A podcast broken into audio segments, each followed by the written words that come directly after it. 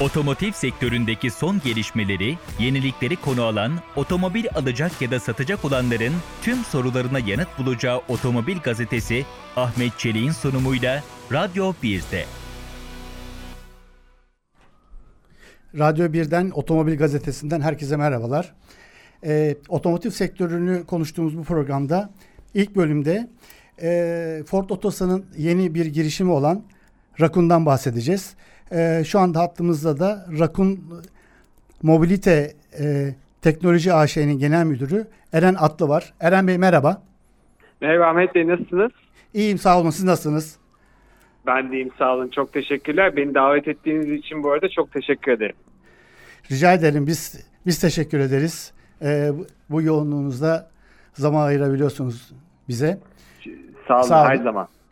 Ee, şimdi Rakun'dan başlayalım isterseniz. Yani zaten size e, Rakun'u konuşmak istiyoruz. E, bizim için de sürpriz Tabii. oldu. Yani otomobil gazeteciler için de sürpriz oldu. E, çok da bildiğimiz bir e, şey değildi. En azından ben kendi adıma söyleyeyim. Çok da bildiğim bir çalışma değildi. Ama hı hı. E, şimdi gerçi Rakun Rakun diye bahsediyoruz ama isterseniz bu Rakun'un hikayesini hatta isminin nereden geldiğinden başlayarak bize e, Ford Otosan'ın yeni girişimi olan Rakun'u anlatır mısınız? Tabii ki de Rakun aslında içeride bir fikir olarak ortaya çıkıyor. Yani sizin de bildiğiniz gibi özellikle bu pandemi yani bu pandemi döneminin de öncesinde aslında zaman yani ticaret çok ciddi bir değişim ve dönüşüm içerisinde. Ee, ve burada baktığımızda aslında bu üçüncü nesil ticaret dediğimiz müşteriye çok hızlı bir ulaşma yarışı var. Evet. Ticaret firmaları arasında. Ve burada da aslında hızlı olan, çabuk olan kazanıyor. Ve burada da bunu yaparken aslında firmaların da hız çok büyük bir e, öncelik. Ama firmaların da en büyük önem verdiği konuda kuryelerin güvenliği ve siparişin sağlamlığı. Evet. Aslında hikaye biraz da buradan çıkıyor. Ee, ve bu aslında bir iç e, inovasyon pro, iç fikir olarak ortaya çıkıyor ve bir inovasyon kampına giriyor Fortozas'ın içerisinde. Ve burada da gidip firmalarla görüşüp burada sektörün önce önde gelen yemek, e, market, kurye dağıtım firmalarıyla görüşüp aslında onların ihtiyaçlarına göre bir ilk prototip oluşturuluyor. Ardından da ilk prototipten sonra bu sefer daha geniş bir kümeyle e, gidip belediyeler, işte kurye taşımacılık şirket, pardon kargo taşımacılık şirketleri ve benzeri farklı firmalarla görüşerek onların da fikrini ve değerlendirmelerini alarak aslında aracımızı son haline getiriyoruz. Rakun denmesinin sebebi de aslında şuradan geliyor. E, Rakun biliyorsun, e, biliyorsunuz Ford Otosan'da her yeni geliştirilen projenin adı bir kod adıyla geçiyor. Evet. Ve içeride aslında bu e, araçlarımızın da kod adı Rakun. Bizim aslında araçlarımızın adı Pro 2. iki tekerleklerin adı Pro 2. Üç tekerleklerin adı da Pro 3. Evet. Ama içeride hep böyle bir Rakun Rakun Rakun diye geçiyor. Ee, ve e, biz marka çalışmasını yaparken aslında diyoruz ki ya biz Rakun Rakun dedik. İçimizde de çok sindi. Biz firmanın adını da Rakun koyalım diyoruz aslında. Rakun isminin de çıkış hikayesi biraz da böyle. Yani prototip ismi aslında e, Aynen. model ismi oluyor, marka ismi oluyor. Aynen öyle. Yani aslında prototipe verdiğimiz isim bizim şirketimizin adı oluyor. Araçlarımızda da Pro 2 ve Pro 3 diyoruz.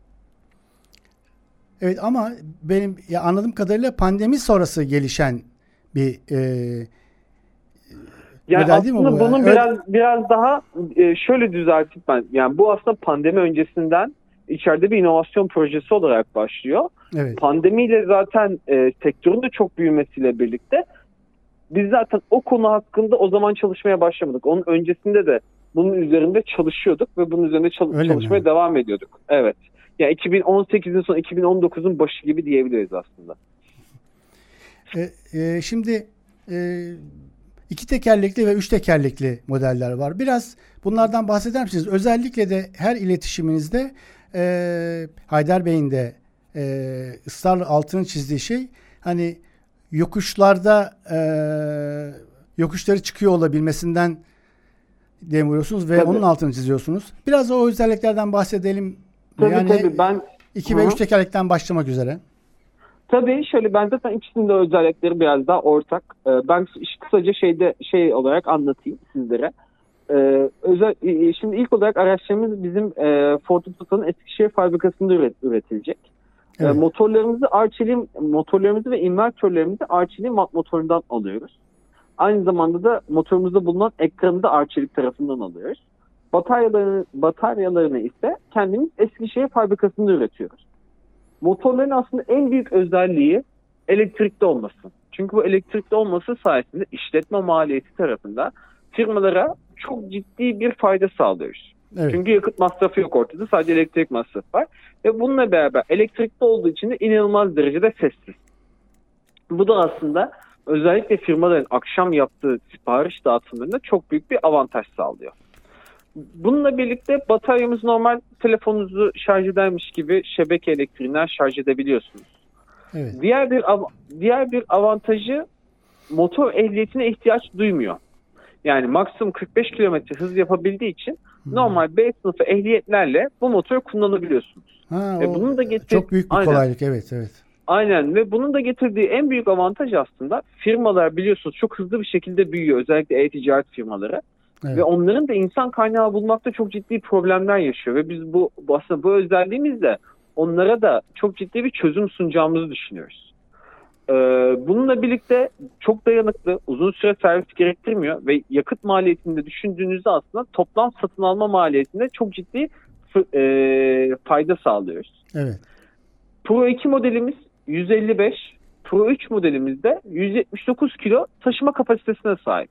Ve aslında bunu biliyorsunuz İstanbul çok şey e, yokuşlu bir şehir. Çok evet. Ve biz de bunu hem pilimizi hem performansımızı bu yokuş çıkma kapasitesine göre optimize ettik.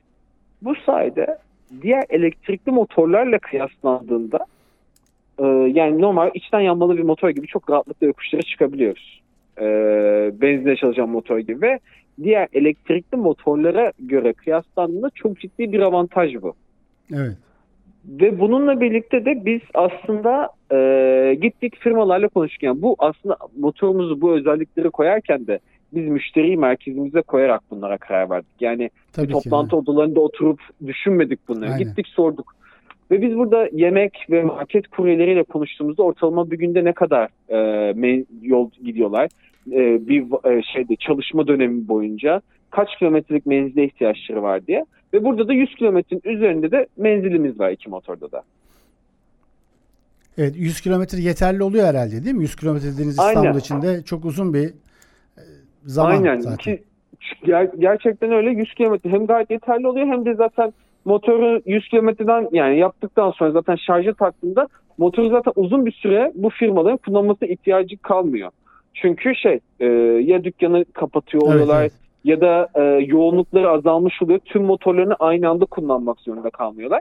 Biz aslında tüm farklı ihtimalleri bir araya getirerek mesela böyle bir menzil koyduk içerisine. Bataryamızı da, yokuş çıkma kapasitemizi de her şeyi aslında müşterinin ihtiyaçlarına göre ayarladık. Hatta ve hatta biz müşterilerimizden kendi rotalarında yani sipariş dağıtımı yaptıkları kendi rotalarında en karşılaştığı en zorlu yokuşları bile gittik yerinde test ettik. Ne kadar sürdü o test aşaması? Sizin yani birebir bunu e, prototip ürettiniz. O e... yani yani test aşaması aslında şöyle bu sürekli yaşayan bir organizma gibi düşünebilirsiniz. Test asla bitmiyor. Şu bitmiyor, an bile fa- farklı farklı koştuğumuz 6-7 tane testimiz var. Ee, ben sizinle konuştuktan yaklaşık bir saat sonra ben tekrardan motor alıp kendi e, e, Ford'un Austin etrafında tekrardan bir teste çıkaracağım. Farklı senaryoları sürekli denemeye devam ediyoruz ama başından sonuna kadar geliştirme e, dönemi 2,5-3 yıl kadar sürdü diyebilirim. Evet ne kadar e, bir dakikada şarj oluyor motoru? E, 4,5 saatte şarj alıyor. Normal şebeke elektriğiyle şarj alıyor. Evet bu da aslında yani en azından dediğiniz gibi e, şey makul bir zamanda değil mi şarj edilebilecek bir süreye sahip. Evet. Peki, evet kesinlikle öyle. Evet. Peki bir şey soracağım size. Şimdi e, bu pazarı araştırırken e, yani kurye pazarını değil mi? Hani e-ticaret var bu iş hı hı. içerisinde. E, hani yeme içmesi var, giyimi var vesaire her şey artık neredeyse Türkiye'nin yarısı e, kurye oldu gibi bir şey. Evet. E, buradaki pazar ne kadarlık bir pazar ve siz buradan ne kadarlık bir e, bir pazar daha yaratmayı hedefliyorsunuz? Yani, Böyle bir rakamları paylaşabilir misiniz? Tabii şöyle ya aslında Türkiye'de motor sektörüne baktığımız zaman geçtiğimiz sene 200 bin e, civarında bir motor satıldı. Bu sene bu rakamın 236-240 bin olması gerekiyor. Elektrikli motor pazarı bunun tabii çok küçük bir payına sahip tüm bu şeyler arasında. Evet. Bunun da aslında temeldeki sebebi şu. Burada e, biz motorumuzun tasarımını, üretimini hepsini burada yapıyoruz Ford Otosan olarak. Evet. Piyasada bulunan elektrikli motorların birçoğu aslında yurt dışından geliyor. Ve ithal ürünler ve bu aslında bu ürünler tabii herkes kendi yaşadığı bölge ve koşuluna göre e, cihazlar, araçlar üretiyor. Bizim buradaki hedeflediğimiz aslında elektrikli motor pazarı yani burada baktığımızda elektrikli motor pazarına tüm pazarın %5'ine 6'sına sahip. Yani tüm satılan motorların %5 ila 6'sı elektrikli motorlardan oluşuyor. Bu da aslında sayı olarak baktığımızda benzin yani mot benzinli motorlara göre çok çok küçük bir sayı. Fakat evet. bizim burada aslında gitmek istediğimiz nokta biz firmaların benzinli motorlarının na rakip olarak kendimizi konumlandırmak istiyoruz. Yani bu firmaların burada yaşayacağı problemleri çözmek. Hı hı. Benzinli motor yerine kendi motorumuzun tercih edilmesini istiyoruz. Yani mesela örnek veriyorum e, 2020 yılında toplamda 6000 tane zaten şey gerçekleşti. Elektrikli motor satışı gerçekleşti. Evet, evet. E, bu bu, bu doğru, çok doğru. çok küçük küçük oranlar. E, biz bunun değil, biz elektrikli motor piyasasından değil, elektrikli motor piyasasının hacmini büyütmek hedefimiz. O sebeple zaten müşterilerimizin ihtiyaçlarını ve onların e, ihtiyaç duyduğu gereksinimleri merkezimize alarak aslında Pro 2 ve Pro 3 modelimizi geliştirdik diyebilirim. Evet, o zaman yani şirketle arasında e, bir hesap yaptıklarında kendi benzinli motorlarını e, hani verip elektrikli motor aldıklarında mutlaka daha büyük bir avantaj sağlayacaklarını hesapladınız herhalde değil mi? Yani zaten Tabii kesinlikle. Öyle oldu. Kesinlikle biz zaten burada firmalara, işletmelere e, sadece satış yoluyla değil, aynı zamanda da kiralama yoluyla da ulaşmayı düşünüyoruz. Çünkü sizin de dediğiniz gibi yakıt, bakım masrafları, evet. onarım masrafları, servis gibi şeyleri düşündüğünüzde burada gerçekten çok rekabetçi bir alan görüyoruz. Ve burada e, firmalara çok avantajlı bir şekilde kiralama modelleri sunabileceğimizi düşünüyoruz. Bu sebeple sadece satmayı değil aynı zamanda işletmelerin ihtiyaçlarına göre belirli modellerle, belirli paketlerle onlara kiralama hizmeti sunmayı da düşünüyoruz. O e, sizin çatınız altında mı yapılacak? Yani Rakun e, ticari şirketi altında mı yapılacak yoksa hani Koç grubunun içerisindeki başka bir kiralama şirketi Hı. tarafından mı yapılacak? Ya bizim buradaki aslında en büyük ön, öncelik verdiğimiz şey e, baktığımızda Ahmet Bey biz müşteriye kendimiz dokunmak istiyoruz. Evet. Çünkü bu projeyi de yaparken tamamıyla biz e, buradan e, müşteriden aldığımız geri bildirimlerle yola çıktık. Bu sebeple de e, Rakun Mobility'yi biz e, satış, satış sonrası ve pazarlama işlerini e, bu çatı altında yapmak için kurduk. O sebeple biz e, işte Koç grubunun başka bir şirketine herhangi bir bayi altyapısıyla e, veya üçüncü parti noktalarla satışla ilerlemek için değil, tamamıyla müşteriye kendimiz satacağız. Hem kendimiz satacağız, hem kendimiz kiralayacağız, hem servisini kendimiz yapacağız. Yani kendimiz yapacağız derken servis konusunda birazcık daha farklı bir modelle ilerliyoruz evet, ama... onu da soracağım şimdi. Hem Aynen. showroom yani satış showroomları neresi olacak? Bir de tabii satış sonrası servisler e, nereden olacak? Onlar yani evet, Ford Otosan mı kullanacak bu işler için? Hı -hı. Satışı, satışı direkt internet sitemiz üzerinden kendimiz gerçekleştireceğiz bireysel müşterilere. Kurumsal müşterilere de zaten firmadaki tüm oyuncuları teker teker ziyaret edeceğiz. Oradaki tabii satış modeli e, internet üzerinden gerçekleşmeyecek. Daha farklı olacak ama bireysel müşterilere kendimiz internet sitemiz rakummobilite.com üzerinden satışını gerçekleştireceğiz. E, servis konusunda ise hem e, Ford'un biliyorsunuz e, Ford'un hem binekte hem de ticarette çok geniş bir servis ağı var. Burada seçili servis ağını hem kullanacağız aynı zamanda da mobil servis ile yerinde e, müdahale edeceğiz. Yani biz kiraladığımız ya da sattığımız hiçbir motoru hiçbir işletmenin kapısında yatırmayacağız.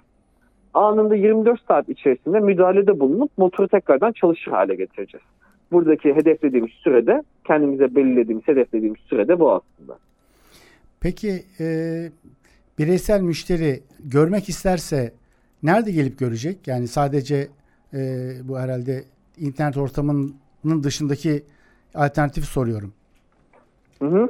Ee, şöyle bizim burada aslında farklı e, düşündüğümüz iki farklı nokta var. Bir bunu mevcut servislerimizde sergileyebiliriz. Bu bir seçenek.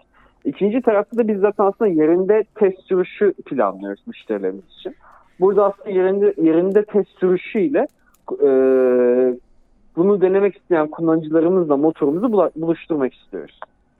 Evet peki e, şimdi 2000 yani önümüzdeki yıl değil mi satışa sunulacak? O açıdan fiyat belli değil ama en azından kafanızda e, bir satış hedefi, satış planı var mı? Ne kadar satmayı planlıyorsunuz mesela önümüzdeki yıl için?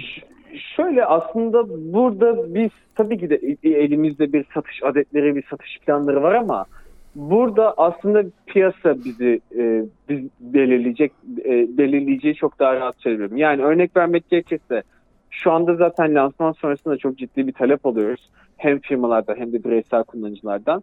Bizim için bunun limitini ve sınırını belirleyecek olan aslında piyasa talebi. Tabii ki de bir üretim planımız var. Ee, bir plan doğrultusunda O ne mesela üretim planınızdaki hani nasıl e, hani ne bileyim ayda mesela o, kaç tane üretebiliyorsunuz bunlardan? Onu şöyle 2022 yılına biraz daha girdikten sonra söylesem gerçekleşen rakamlar üzerinde konuşmak daha sağlıklı olur. Şimdi bir rakam söyleyip sonrasında onu tekrardan düzeltmektense 2022 yılında beni bir kez daha davet ederseniz bu sefer de gerçekleşen rakamlar üzerinden anlatmayı da, siz, daha çok isterim. Siz Eskişehir'de misiniz, İstanbul'da mısınız? Ben şu an İstanbul'dayım İstanbul'da. ama tabii ki de aynı zamanda Eskişehir'deki üretim hattımızda sık sık ziyaret ediyoruz. Öyle mi? Tamam. Ee, Hatta bir gün isterseniz bir günde birlikte beraber gideriz. Evet ben de zaten Eskişehir deyince e, bir, bir şey oldum. Çünkü Eskişehirliyim ben de. Memnun, ha. evet evet memnuniyetle e, geliriz çünkü bizi de e, çok heyecanlandıran bir proje oldu. E, bizi e, zaman ayırdığınız için çok teşekkür ediyorum. Ben çok teşekkür ee, ederim beni davet ö- ettiğiniz için. Çok mutlu oldum katıldığım için. Rica ederim. Önümüzdeki süreçte böyle, e, karşılıklı da görüşmek dileğiyle. Çok teşekkür ederim. Ee, çok sağ olun Ahmet Bey. Sağ çok olun, teşekkürler. Sağ olun. Görüşmek üzere. Evet Otomobil Gazetesi kısa bir müzik arasından sonra devam edecek. Aşk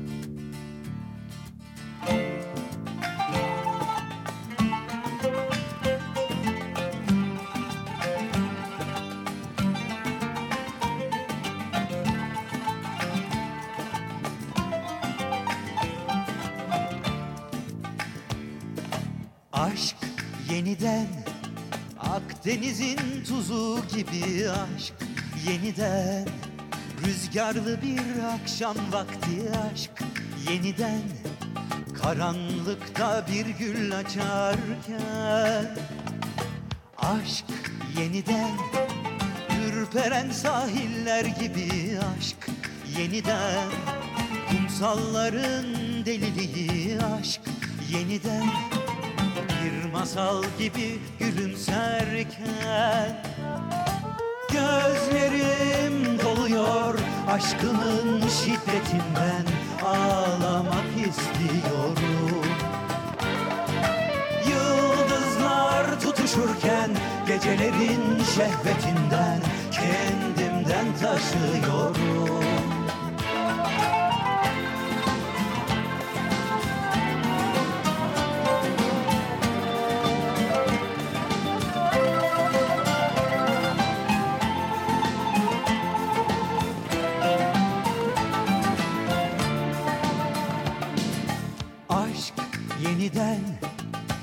Akdeniz'in tuzu gibi aşk yeniden Rüzgarlı bir akşam vakti aşk.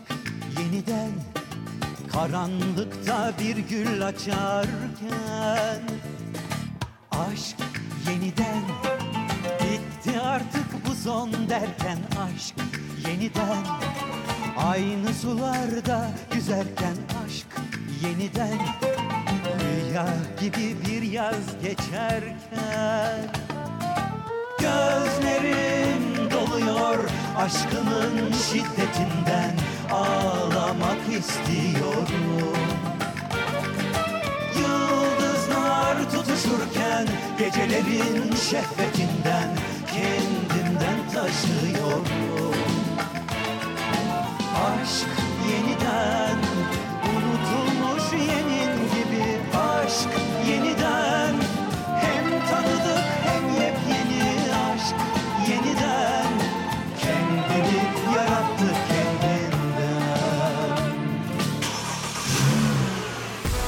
Otomotiv sektöründeki son gelişmeleri, yenilikleri konu alan, otomobil alacak ya da satacak olanların tüm sorularına yanıt bulacağı Otomobil Gazetesi Ahmet Çelik'in sunumuyla Radyo 1'de.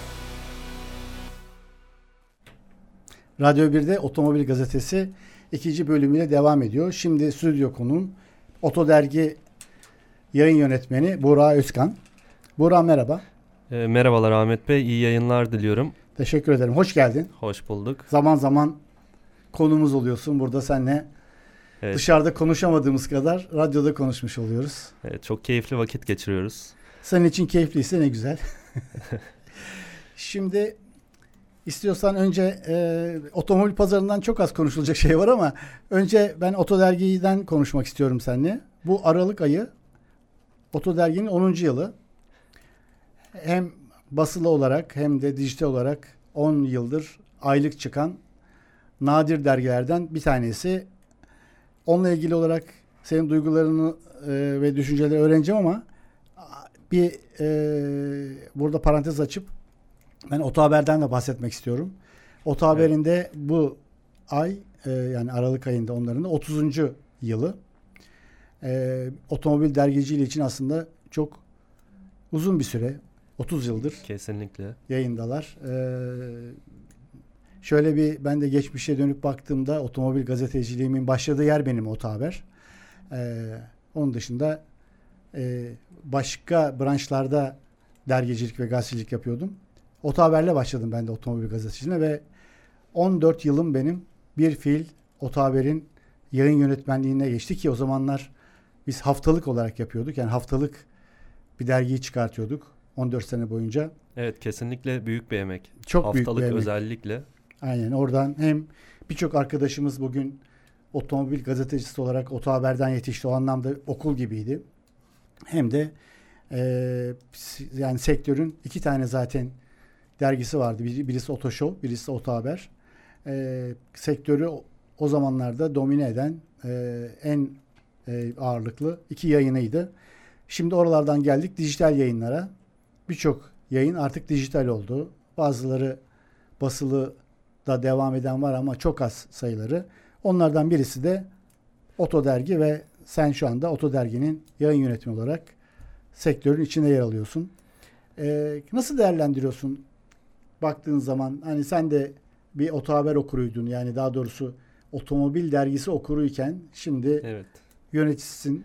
Buradaki değişimi, gelişimi biraz da genç nesil olarak senden dinleyelim. E, tabii e, Oto Dergi 10 yıllık bir dergi. 10 yılda 10 yılı da bir dergicilik hayatına sığdırmak e, büyük bir başarı. Ben bu e, 10 yıllık e, yayın hayatında e, yayın hayatının 5 yılında Oto Dergi'de bulunmaktan e, büyük gurur duyuyorum. Ne güzel. E, neredeyse e, yarı ömründe Oto Dergi'de e, meslek hayatımı başladığım yerde devam ediyorum. E, 10 yıl 10. bu yılda e, önümüzdeki ay 10. yıl sayımızla bir- birlikte e, okuyucularımızla buluşacağız. E, okuyucularımızla da e, güzel sürprizlerimiz olacak. Burada bir e, aynı zamanda elektrikli otomobil e, testimiz olacak. E, bir uzun yol sürüş izlenimimiz olacak. Ne güzel. E, yani yıllardır, e, yaklaşık 5 yıldır, 10 yıldır sunuluyor tabii. Ben bunun 5 yılında e, Oto Dergi'de okuyucularla birlikteydim. E, yeniden okuyucularımızın karşısına çıkmaya devam ediyoruz. Bu bizim için büyük bir gurur kaynağı. Evet, geçen hafta da burada e, biz Oto Haber'de beraber çalıştığımız Volkan Demirkuşak'la konuştuk. O da işte otomobil gazeteciliğine Oto Haber'de başlayan benim dönemimde arkadaşlardan biri. Onunla da e, daha sonra yeni nesil otomobil gazeteciliğini, dergiciliğini değil daha doğrusu aslında gazeteciliği de tırnak içinde söyleyeyim. Yeni nesil bir otomobil yayıncılığı var biliyorsun işte e, YouTube girdi hayatımıza, Instagram girdi, Twitter girdi. Bütün bu mecralardaki birçok arkadaşımız da e, otomobil yayıncılığı yapıyor. Bunlara hani ben yeni nesil yayıncılık diyorum. Dergicilik desen dergicilik değil, habercilik desen pek de hani habercilik değil ama yeni nesil bir otomotiv yayıncılığı var. Ee, oto, sen aynı zamanda da Otomobil Gazetesi'nin YouTube kanalında da Otomobil e, tanıtıyoruz. Otomobil tanıtıyorsun.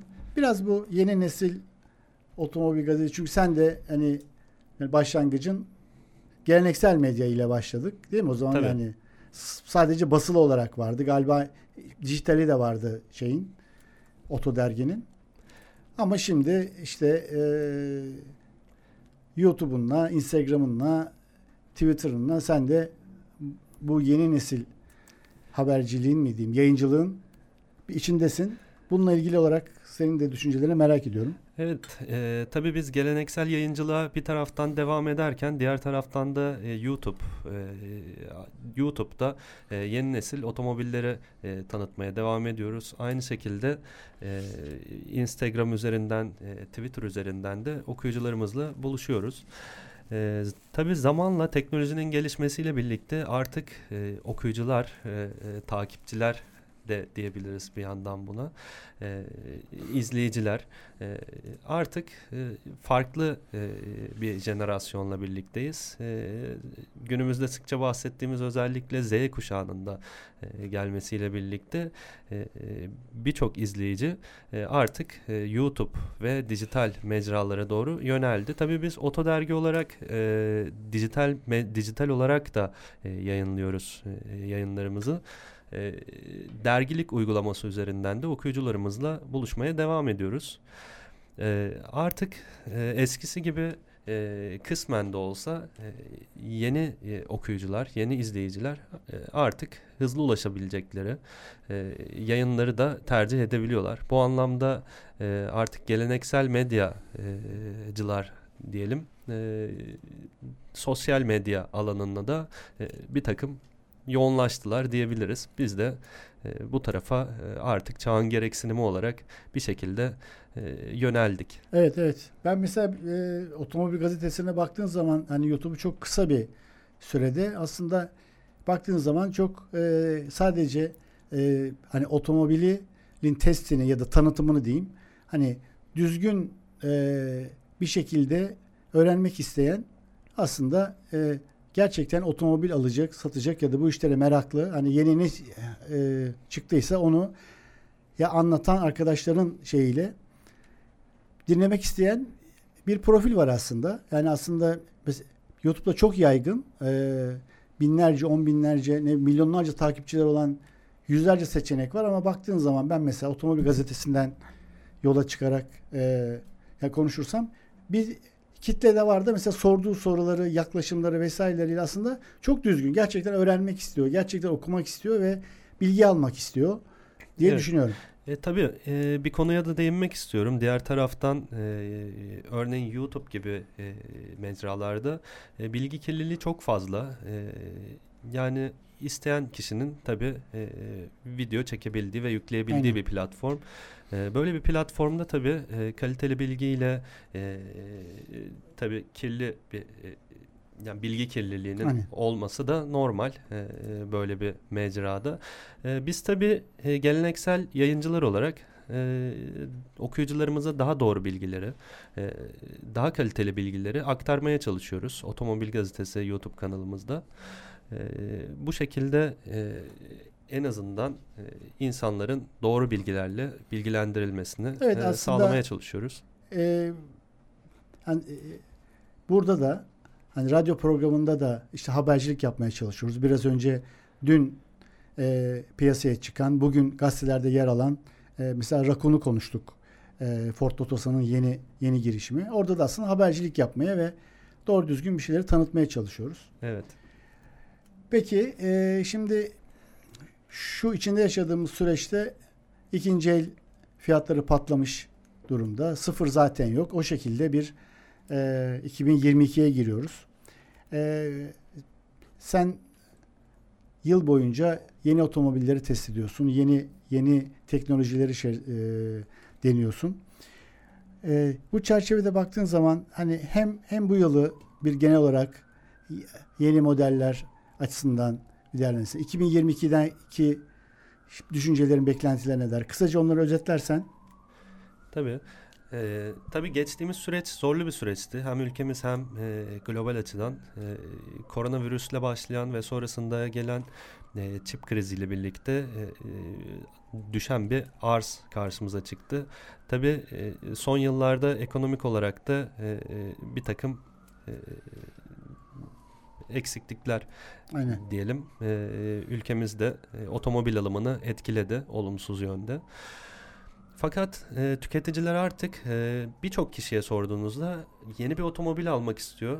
E, evet e, fiyatlar yükseldi fakat bu yüksek fiyatlara rağmen e, yeni bir otomobil e, bulmakta zorluk çekiyorlar. Bayilerin e, e showroomlarında yeni nesil e, yeni modelleri e, ne yazık ki e, sıkça göremiyoruz. Sipariş üzerine 3 aylık, 2 e, aylık, 3 aylık periyotlarla e, tüketicilerle buluşabiliyor bu modeller.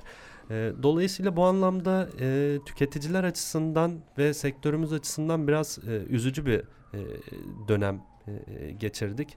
Tabii e, bu çip krizi dediğimiz e, süreç önümüzdeki yılın ortalarına kadar e, kendini evet. evet sürecek ve artık düzelmeye başlayacağı e, tahmin ediliyor. 2022'nin ortalarında ne kadar sürer tabii e, bunu zaman gösterecek.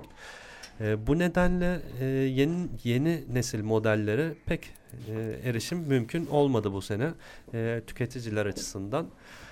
E, önümüzdeki yıl ise e, artık çip krizinin e, de azalmasını öngördüğümüz şekilde e, ilerlerse e, yeni nesil modellere tüketicilerin de erişimi e, mümkün olacaktır. En azından e, kısmen de olsa e, şimdiye kıyasla daha iyi bir seviyede olacaktır. Evet, gerçi, düşünüyorum. Hani yöneticilerle konuştuğumuzda genellikle 2022'nin orta e, sına kadar bu krizlerin devam edeceğini söylüyorlar ama bir taraftan da baktığın zaman da yenilikler bitmiyor. Ama e, istersen bu yenilikleri ve daha sonra ikinci el ve sıfır arasında e, biz şu anda ne hale geldiğimizi kısa bir müzik arasından sonra tekrar konuşmaya devam edelim.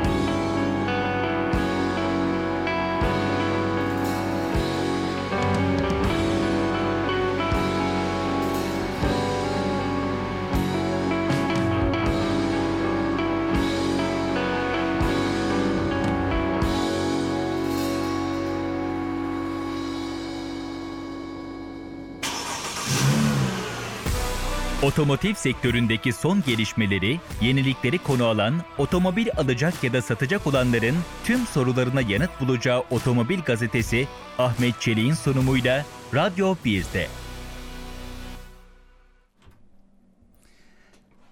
Radyo 1'den Otomobil Gazetesi programından tekrar merhaba.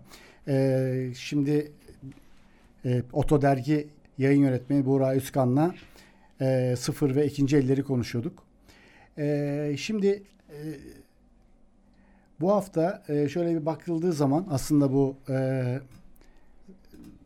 kurların da oynamasıyla beraber şöyle bir takım rakamlar var. Onları bir seninle paylaşayım ondan sonra üzerinde konuşalım. Tabii.